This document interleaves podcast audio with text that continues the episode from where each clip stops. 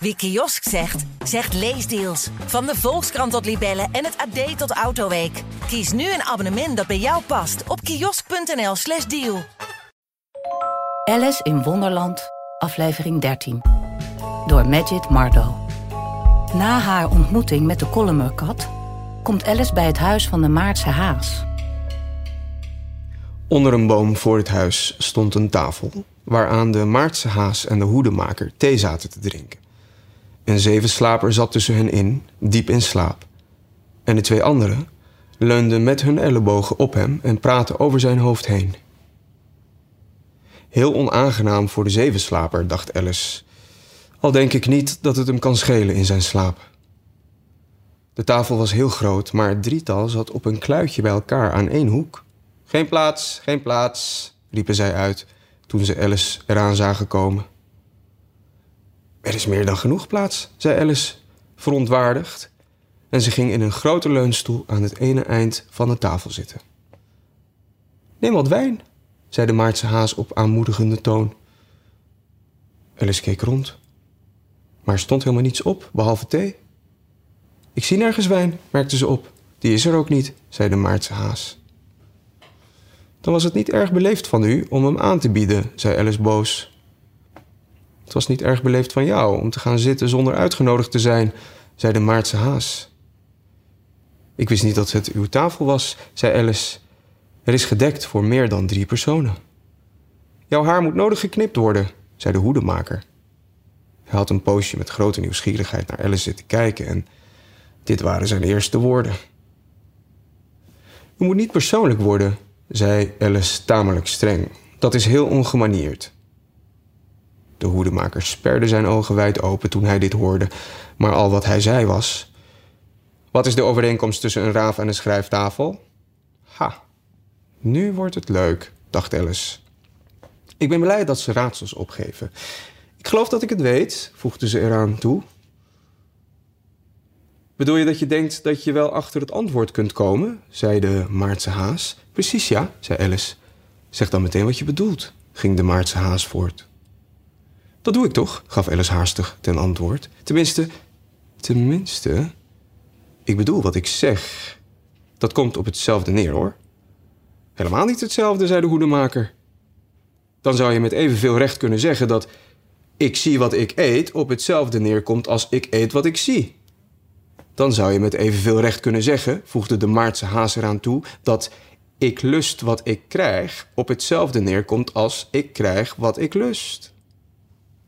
Dan zou je met evenveel recht kunnen zeggen, voegde de zevenslaper eraan toe, die in zijn slaap leek te praten, dat ik adem als ik slaap op hetzelfde neerkomt als ik slaap als ik adem. Bij jou is dat ook zo, zei de hoedemaker. En hiermee was het gesprek afgelopen en het gezelschap bleef even zwijgen, terwijl Alice alles overdacht wat ze zich kon herinneren over raven en schrijftafels, maar veel was dat niet. De hoedemaker was de eerste die de stilte verbrak.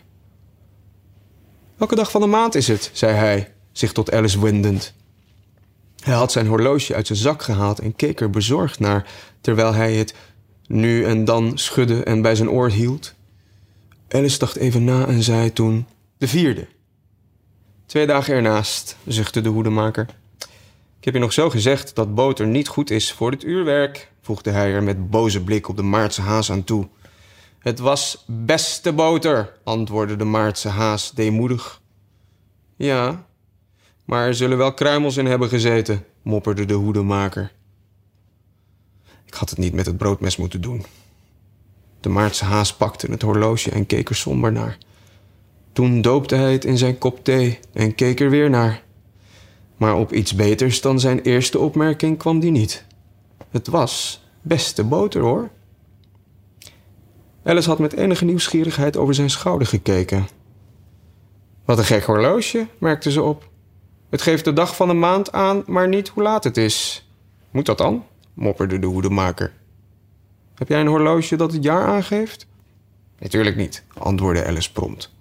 Maar dat is omdat het een hele tijd hetzelfde jaar blijft. Dat is met het mijne net zo, zei de hoedemaker. Alice verkeerde in een reusachtige verwarring. De opmerking van de hoedemaker leek geen enkele betekenis te hebben en toch was het wel degelijk Nederlands. Ik begrijp het niet goed, zei ze zo beleefd als dat ze kon. De zevenslaper slaapt weer, zei de hoedemaker en hij gooit wat hete thee over zijn neus. De zevenslaper schudde zijn hoofd ongeduldig en zei, zonder zijn ogen te openen: Zeker, zeker, je haalt me de woorden uit de mond. Heb je het raadsel al opgelost? zei de hoedemaker, zich weer tot Alice richtend. Nee, ik geef het op, antwoordde Alice. Wat is de oplossing? Ik heb geen flauw idee, zei de hoedemaker. Ik ook niet, zei de Maartse haas. Alice zuchtte vermoeid. Je kunt je tijd beter gebruiken, lijkt mij, zei ze, dan hem te verspillen aan het opgeven van raadsels waar geen oplossingen bij horen.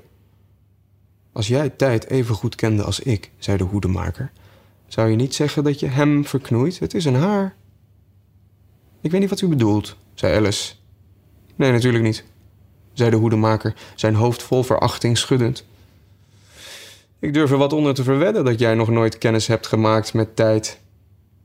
Misschien niet, gaf Alice voorzichtig ten antwoord. Maar ik heb wel eens gehoord dat hij maar één tand heeft. Is dat waar? Hou op met dat hij, zei de hoedemaker. Zij heeft een puntgaaf gebit. Maar enfin, sta je eenmaal op goede voet met haar, dan doet ze zowat alles wat je wil met de klok. Stel bijvoorbeeld dat het negen uur s morgens is. Zometeen begint de les. Dan hoef je tijd alleen maar wat in het oor te fluisteren... of daar draaien de wijzers in een oogwenk rond. Half één, tijd voor het middageten. Was het maar waar, zei de Maartse haas fluisterend bij zichzelf.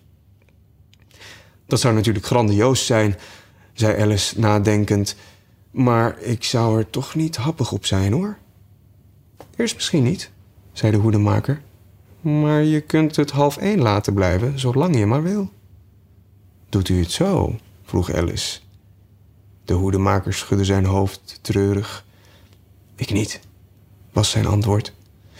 Maart jongstleden hadden we ruzie. Vlak voordat hij gek werd, begrijpt u wel? Hij wees met zijn theelepeltje naar de Maartse haas. Het was op het galaconcert, gegeven door de hartenkoningin, en ik moest zingen. Twinkel, twinkel, vleermuis klein. Hoe zou het daarboven zijn? Je kent het liedje misschien? Zoiets heb ik wel eens gehoord, zei Alice. De volgende aflevering wordt gelezen door Chris Nietveld. Alice in Wonderland is een podcast van Internationaal Theater Amsterdam, Het Parool en Stepping Stone Producties. Vertaling Nicolaas Matsier, uitgeverij Meulenhof Boekerij.